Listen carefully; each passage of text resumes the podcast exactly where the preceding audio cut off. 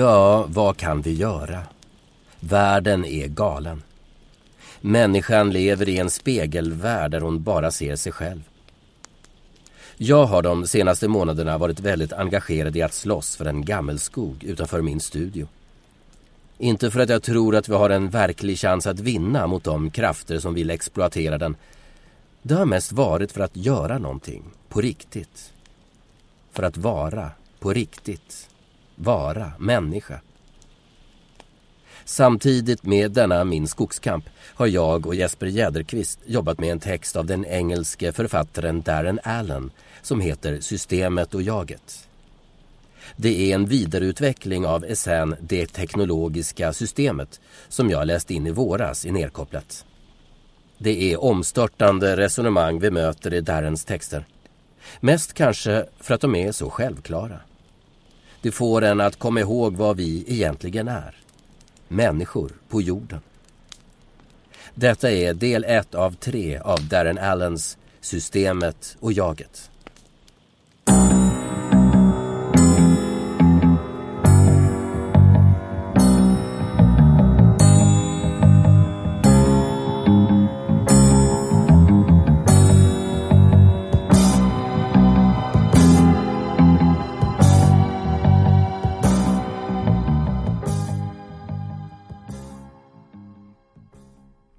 Produktion, En värld av lögner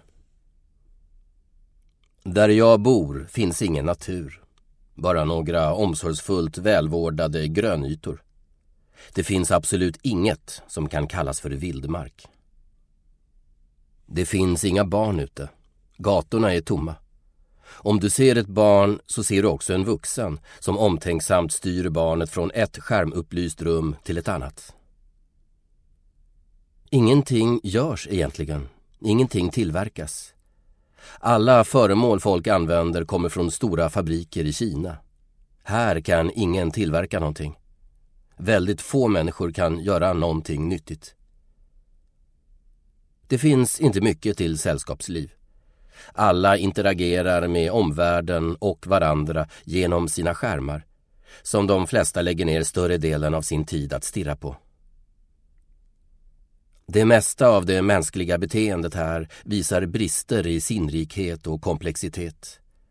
Samtalsämnena är vanligtvis torftigt enkelspåriga.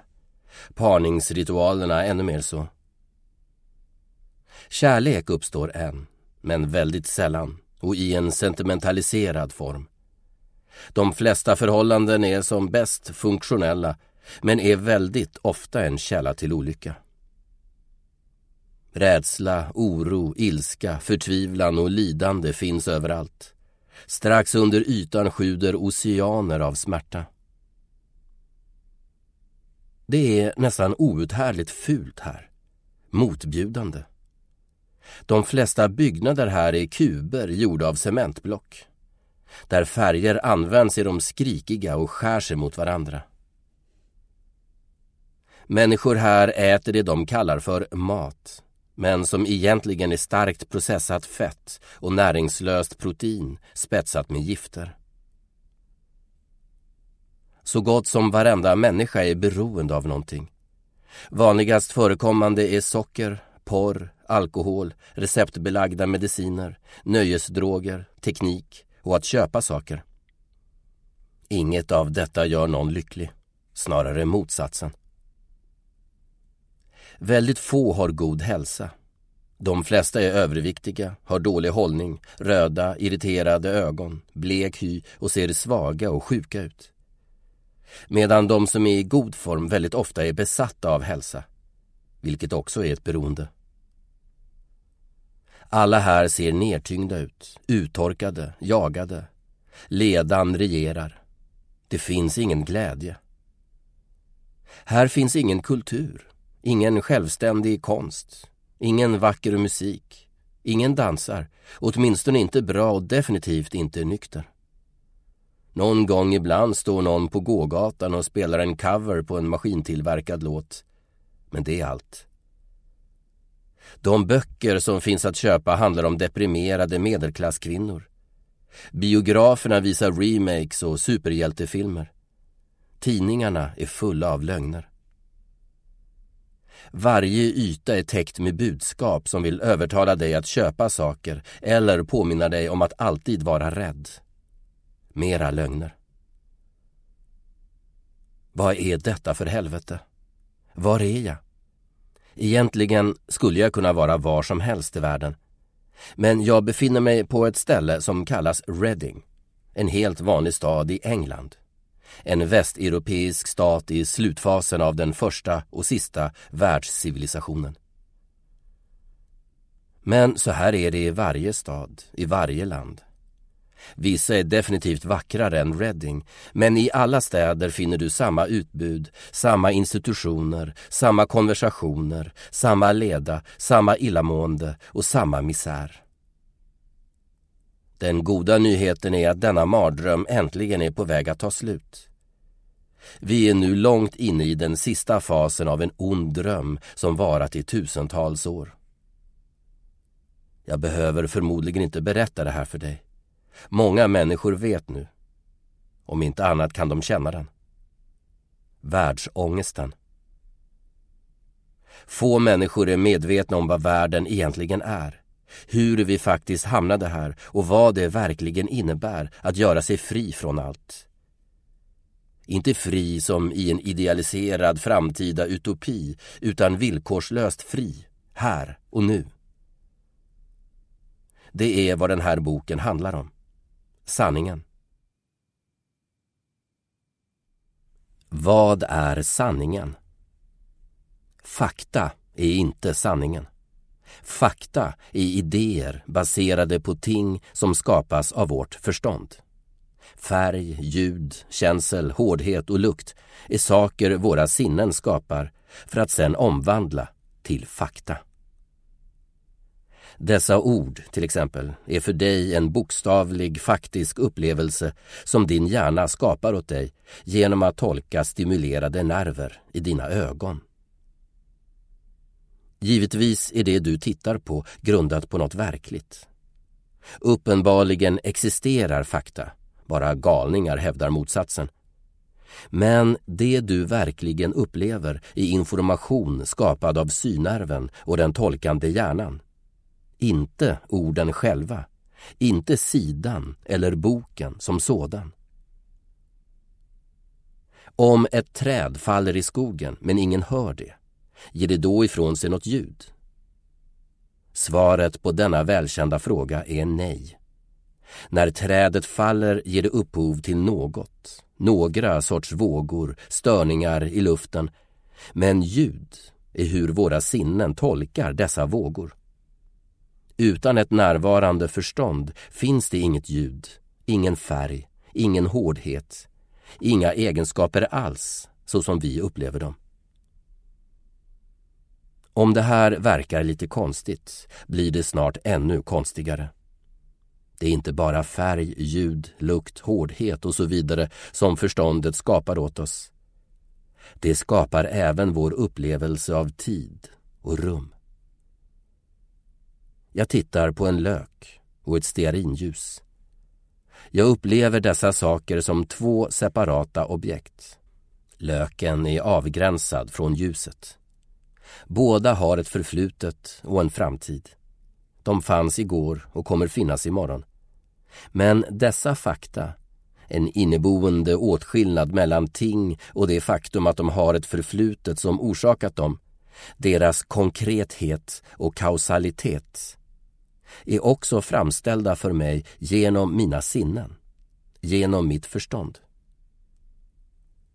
Återigen, som med orden på sidan, så finns det uppenbarligen något faktiskt åtskiljande hos löken. Och den har uppenbarligen kommit till ur något som igår faktiskt har existerat. Detta är skälet till att, oavsett hur fantasifulla uppfattningar man må ha, ingen någonsin lever som att vi vistas i en värld där lökar kan förvandlas till stearinljus eller lyfta från tallrikar och flyga genom väggar. I bokstavlig, faktisk, kausal mening lever vi inte i en magisk värld. Men faktum kvarstår. Denna icke-magiska värld framställs för oss av vårt förstånd. Den är en föreställning. Förståndet kan bara erfara sina egna projektioner. Det är som om vi sitter i en biograf och ser en film om våra liv. Förståndet kan aldrig visa oss vad som verkligen är verkligt. Vad som egentligen händer, utan bara sinnesframkallade bilder av det. Dessa bilder är givetvis korrekta, men de är ändå bara bilder. Du kanske tänker, visst, vem bryr sig? Du litar på vad ditt förstånd säger dig. Vad är det för mening med att oroa sig över det? En filosof kan påpeka att en anledning är att du aldrig säkert kan veta om det du upplever faktiskt är verkligt. Är jag, författaren, verklig? Existerar eller existerade jag? Är sakerna omkring dig verkligen verkliga? Är det röda du ser rött på riktigt? Eller är allting en hallucination eller en virtuell verklighetsillusion? Filosofer älskar att tala om detta. Det hela är väldigt underhållande men fyller ingen större funktion i vårt vardagsliv, eller hur? Vi kan intala oss att vi drömmer eller flyter omkring som tankar i en demons hjärna. Men sen måste vi korsa gatan, eller deklarera, eller ta hand om våra inåtväxande tånaglar vilket gör att vi snabbt glömmer sådana akademiska tankeövningar. Det finns dock någonting som våra föreställningar aldrig kan visa för oss. Och detta är inte bara viktigt. Det finns inget i världen, inget i livet som är viktigare än det. Vad talar jag om? Vi använder många olika ord för det, men här ska jag använda ett som inbegriper dem alla. Kvalitet. Mitt förstånd kan aldrig någonsin direkt uppvisa den sanna kvaliteten i någonting eller dess mening. Bra eller dåligt, rätt eller fel, vackert eller fult. Allt detta är i slutändan meningslöst för förståndet. Därför att, jag upprepar det igen, förståndet kan bara visa oss bilder, föreställningar, aldrig tinget i sig självt.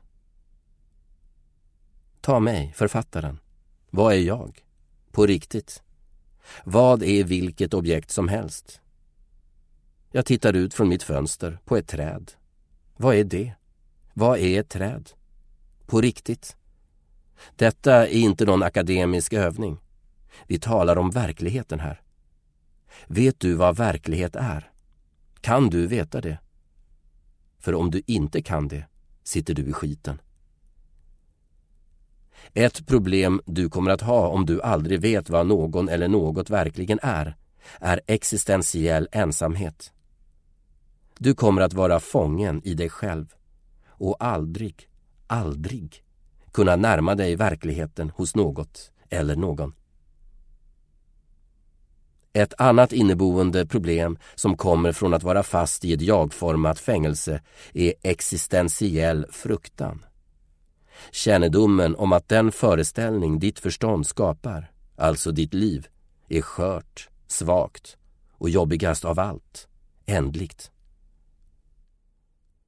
Slutligen, om du aldrig riktigt vet vad något eller någon är, är du dömd till existentiell osäkerhet. Där du aldrig är riktigt säker på vad som är rätt att göra, åtminstone i alla stora och betydande frågor. När det gäller att ta viktiga beslut är förståndet paralyserat. När det väl handlar tar det alltid fel beslut eller säger fel saker därför att det aldrig riktigt vet vad som är rätt eller gott eller sant. Det kan bara gå efter sina av fakta skapade bilder. Trädets skönhet reduceras av förståndet till dess faktiska värde. Huruvida det utgör ett hot eller om jag kan göra vinst på det eller dess faktiska användbarhet, vad jag kan använda det till, eller dess faktiska rykte, vad andra anser om det, eller till något sorts faktiskt, av våra sinnen upplevt välbehag. Det är faktiskt skönt att sitta i dess svalkande skugga eller titta på dess vackra färger. Det finns givetvis inga inneboende fel i något av detta. Men om det är allt kommer aldrig förståndet erfara vad som är betydelsefullt.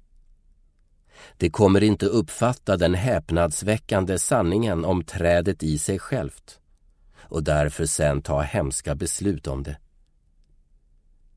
Du kanske har märkt att förstånd för sig själva alltid fattar hemska beslut. Detta beror på att förståndet, i sig självt, inte kan uppfatta alltings förbluffande sanning. Därför att allt det kan se bara är föreställningar av alla ting. Det kan inte se dem som de verkligen är, i sig själva, som mysterier. Det kan bara se dem som bilder, symboler, idéer, reflektioner, ord och projektioner. Så hur kan jag någonsin verkligen veta vad något eller någon verkligen är? Jag kan alltid förlita mig på fakta, verkar det som.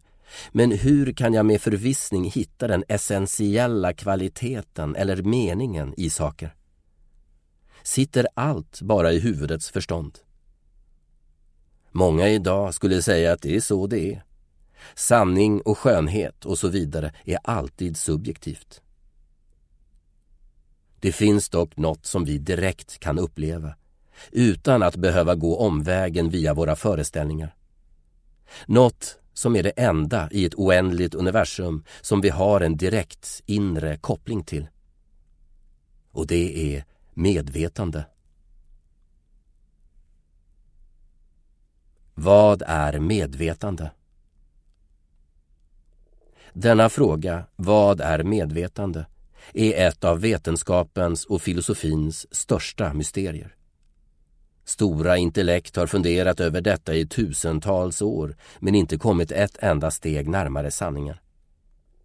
Det är för att medvetandet aldrig kan vara ett befintligt faktum. Inga fakta i världen kan säga någonting om kvaliteten i upplevd medvetenhet. Det enda som kan säga oss något om medvetenhet och dess kvalitet är att vara medveten. Vad detta betyder är att om du inte vet vad medvetande är så beror det på att du inte är medveten. Det är faktiskt så enkelt.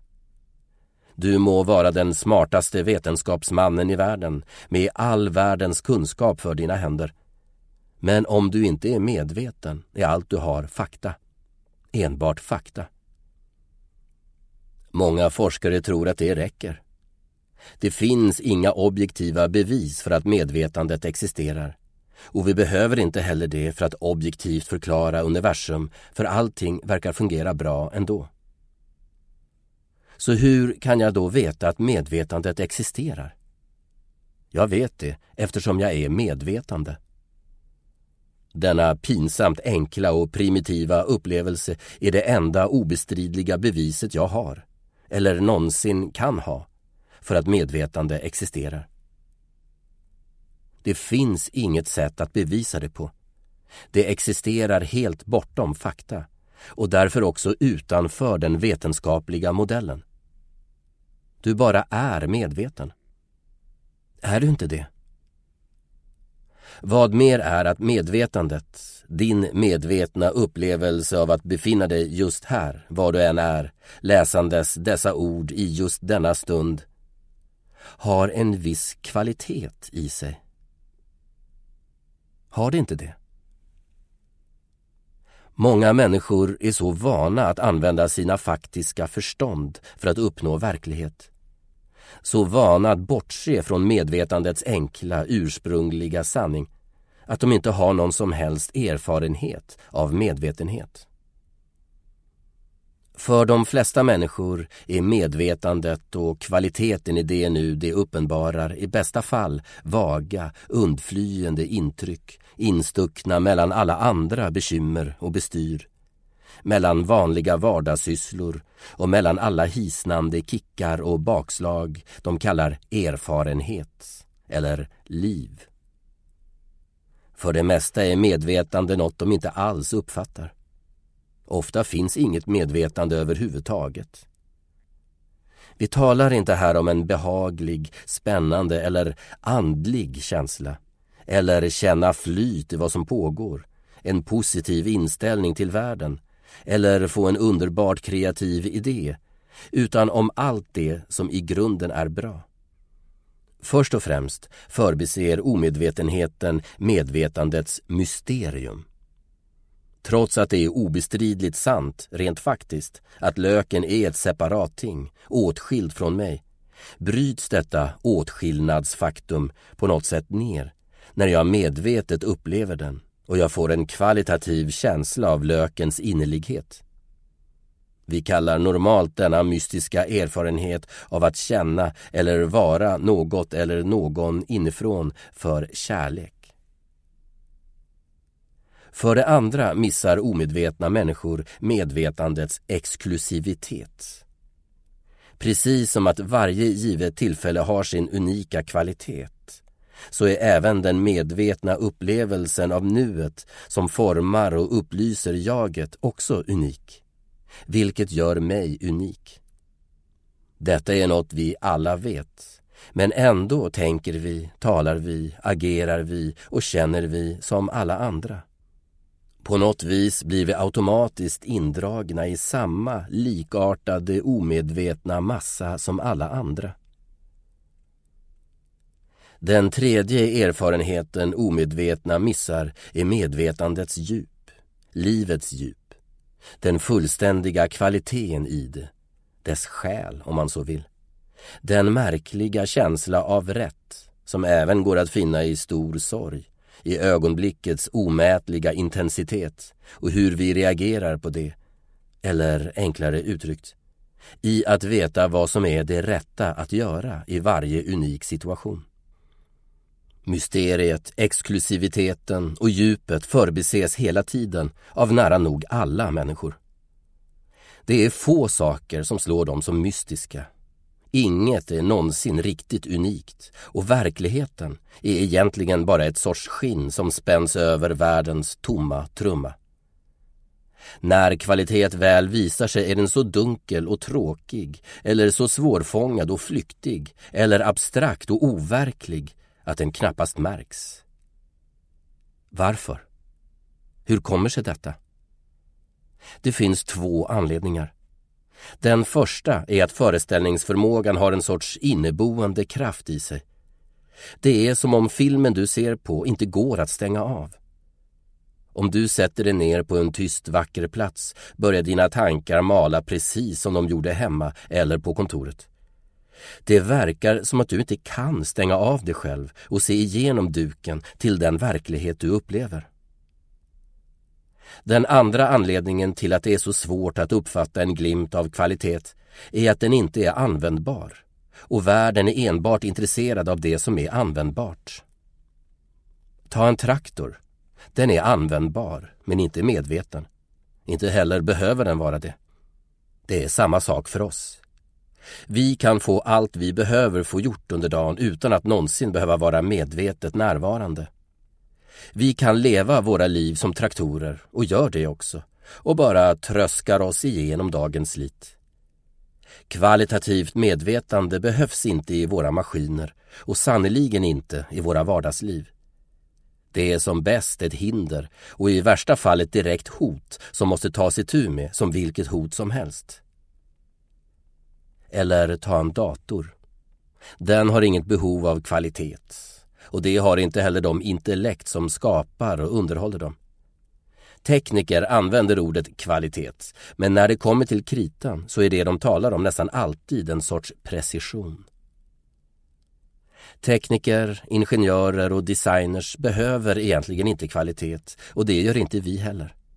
Vi kan älska stor konst och naturens under vi kan värdera kärlek och godhet och ärligt arbete och så vidare. Men vi kan lätt leva våra liv utan några av dessa saker. Faktum är att det är lättare att leva i världen utan dem. Eller ta vetenskap. Den har inget behov av kvalitet heller. Kvalitet har nästan ingen betydelse i någon vetenskaplig strävan och när den väl visar sig till exempel om något geni bidrar med något autentiskt nytt till en vetenskaplig undersökning, blir den energiskt och ofta väldigt våldsamt motarbetad. Eller ta ekonomi. i vilken godhet, skönhet och kärlek inte spelar någon som helst roll. Att något är meningsfullt för människor är irrelevant för ekonomer som endast kan betrakta objekt och människor som faktiska saker med faktiska värden. Eller ta läkekonsten. Äkthet, godhet, sanning, skönhet. Ingen av dessa kvaliteter har någon plats på sjukhuset eller kliniken vilka opererar och endast kan operera under antagandet att människan är en maskin. En samling av rationella delar som när den inte fungerar som den ska måste mekas med som en maskin. Eller slutligen, ta de institutionella religionerna. De använder sannoliken många fina ord som kärlek och Gud och nirvana och så vidare. Men om du undersöker hur de faktiskt fungerar finner du att de institutionella religionerna motsätter sig kvalitativt medvetande och förföljer dem som försöker introducera det i dem. Allt detta förklarar varför ekonomer, läkare, präster, forskare, tekniker och affärsmän för det mesta är sådana primitiva och endimensionella varelser. De ser på livet i de grövsta termer och även om de ideligen med läpparnas bekännelse bedyrar sina höga ideal tenderar de att förakta dem som på riktigt lever medvetet. Så här befinner vi oss nu. På ett ställe som inte har någon användning för medvetandet eller den kvalitet det innefattar. Fullt av människor som är ouppmärksamma och omedvetna om livets godhet. Vi kallar det stället för världen.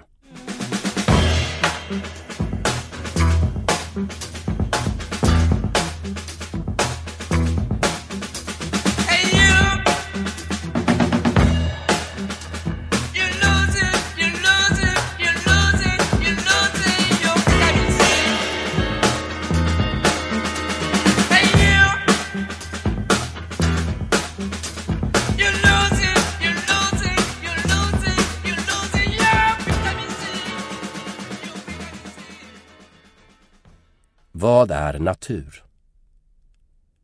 Världen är inte jorden. Världen är onaturlig och jorden är naturlig. Det är ganska enkelt. Men vad är natur? Det är väldigt svårt att definiera vad det är. Vi känner igen naturen när vi ser den och vi förstår vad folk menar när de säger att något är naturligt eller onaturligt. Men vi har väldigt svårt att sätta fingret på vad dessa ord innebär. Det här beror på att natur, likt många andra stora ord, inte kan ges någon strikt bestämd definition. Det kan egentligen bara uttryckas genom konst eller genom att leva ett naturligt liv. Med det sagt finns det ändå ett par saker vi direkt kan säga om naturen. En är att den är vad vi kallar fraktal vilket innebär tre saker. För det första att en del av något också innefattar det hela.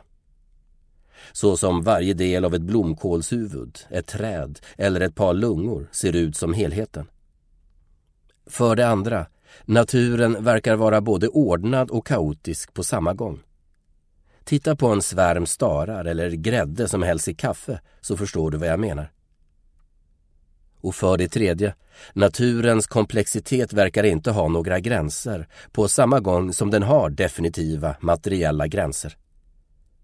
Tänk en kustlinje som aldrig minskar i komplexitet hur nära du än kommer.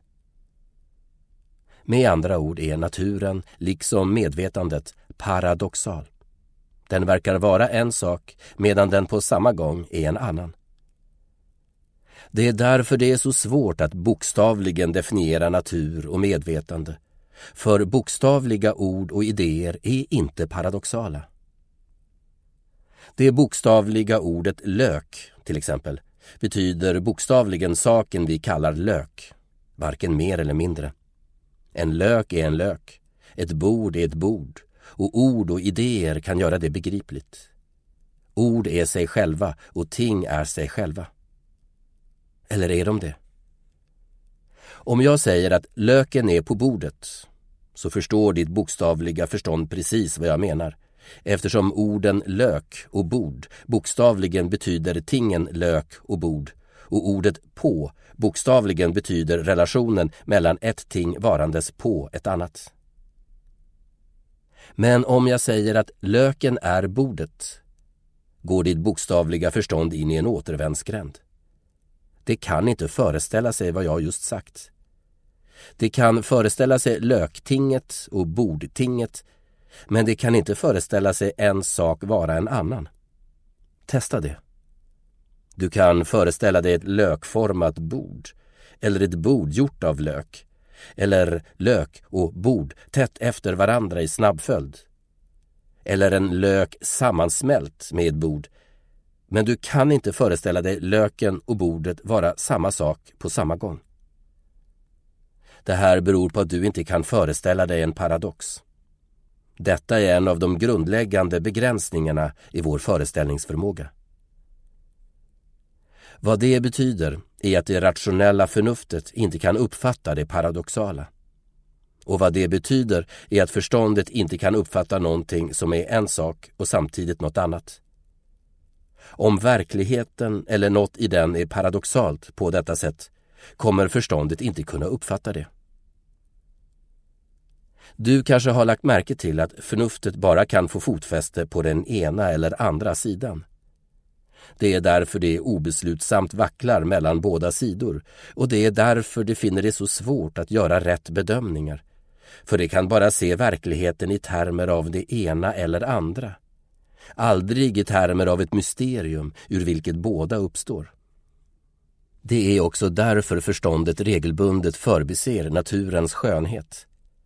Det kan bara se den bokstavliga idén om den, tinget skönheten. Titta på ett moln. Det är ett bokstavligt ting som bokstavligen kan studeras.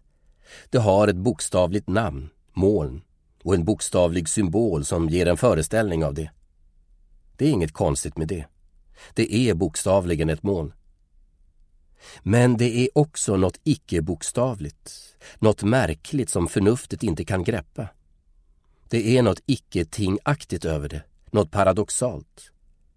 Molnet är både komplext och enkelt, kaotiskt och ordnat, både definierat och gränslöst. Mer än så äger det en kvalitet, en mening, vilket förståndet i viss mån kan uttrycka konstnärligt, men aldrig helt förstå, som det kan förstå att två plus två är lika med fyra. Vi tänker normalt inte på naturliga saker på det här sättet. Vi tänker normalt inte alls på dem. Det är en anledning till att vi älskar dem. Men den gåtfulla paradoxen och den meningsfulla kvalitet som finns hos naturliga ting är det som får dig att säga när du verkligen ser ett moln, ett träd eller en ocean. Åh, så vackert! När du befinner dig i naturen börjar du känna en djup vördnad inför dess skönhet. Jag talar inte om en promenad i parken eller en campingsemester. Jag menar när du spenderar en längre tid i vildmarken eller när det vilda drabbar dig. Vissa människor älskar detta. Vissa avgudar naturen. Andra finner den ytterst besvärande.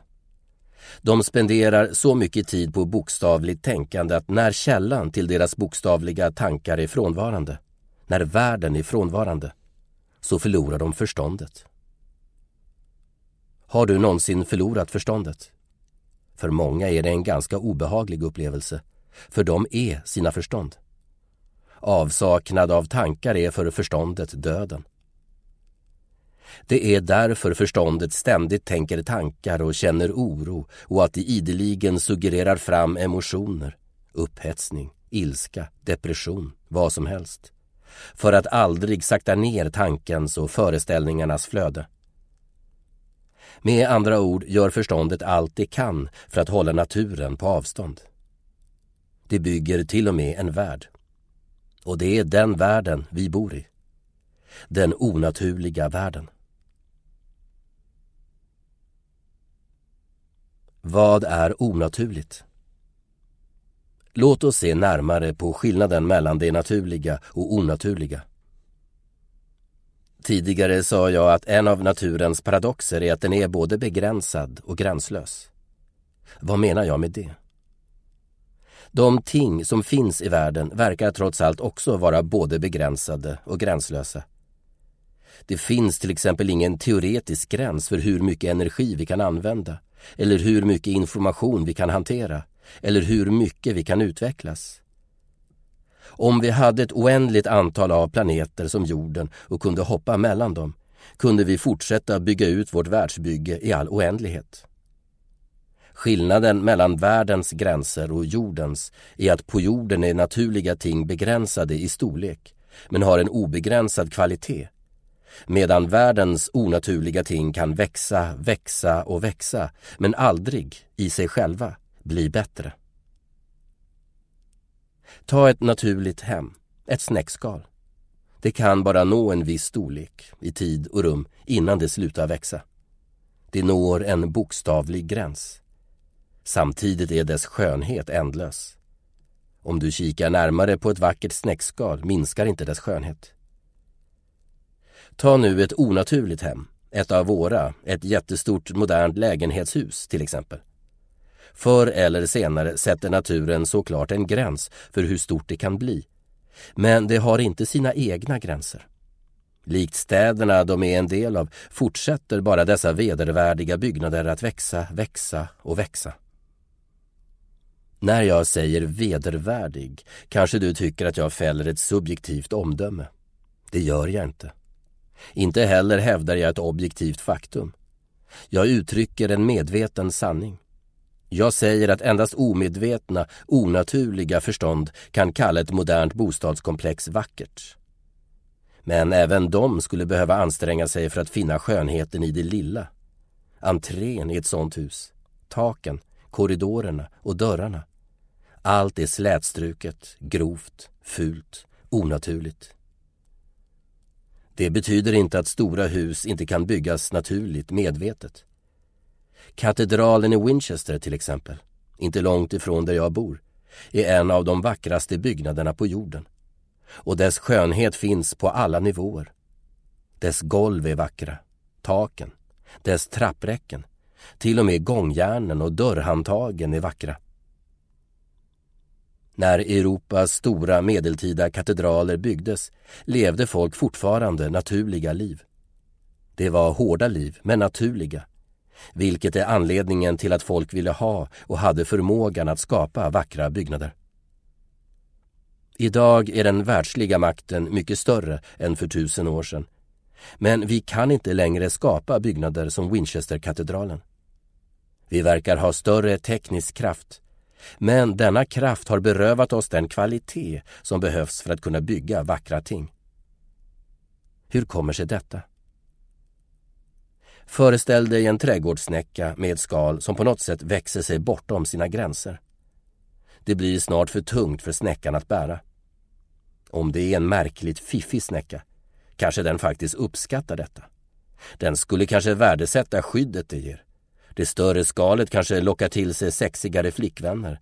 Eller snäckan kanske har en pervers önskan om att känna sig speciell och märkvärdig. Den skulle då kanske, snarare än att reducera storleken på det svällande skalet, börja finna sätt att bära upp det. Kanske utveckla hjul för skalet att rulla på och sen vägar för hjulen. Sen skulle den behöva andra snäckor till hjälp för att bygga dessa saker vilka alla skulle behöva vara väl uttänkta och mycket arbetskrävande att underhålla. Andra snäckor skulle såklart också behöva låta sina skal växa. Inte bara för att hålla jämna steg med varandra utan för att världen konstruerats utifrån dessa uppsvällda skal. Ett vanligt skal skulle bara krossas. Till sist blir snäckorna till tjänare under den värld de skapat. De har blivit skalen. Och detta är vad som har hänt oss. Vid någon tidpunkt i det förflutna växte den människoskapade världens skal i makt och oberoende tills det överskred sina gränser och började förvandla oss till dess redskap. Vi tvingades då börja konstruera de hjul och vägar för världsskalet som vi nu alla bär på. Värre än detta. För att passa in sig själv i världen han byggt tvingades människan inte bara ändra på den naturliga världen utan även på sig själv. Detta ledde till tidigare okända deformationer i det mänskliga psyket och som nu hotar att förstöra den mänskliga naturen för gott. Har du lagt märke till hur världsliga människor som har anpassat sig till den värld vi lever i är galna? Har du märkt att de egentligen inte känner någonting? Att deras blickar är döda? Att de är olyckliga? Att de är oförmögna att socialisera eller skapa kärleksfulla relationer? Att de på riktigt varken kan eller vill göra någonting? De kan ge intryck av att kunna och vilja dessa saker, men att de egentligen bara är tomma skal. Detta är bara det senaste och slutgiltiga stadiet i en process som har pågått under en lång tid och som har vanställt människan till att passa in i en omänsklig värld.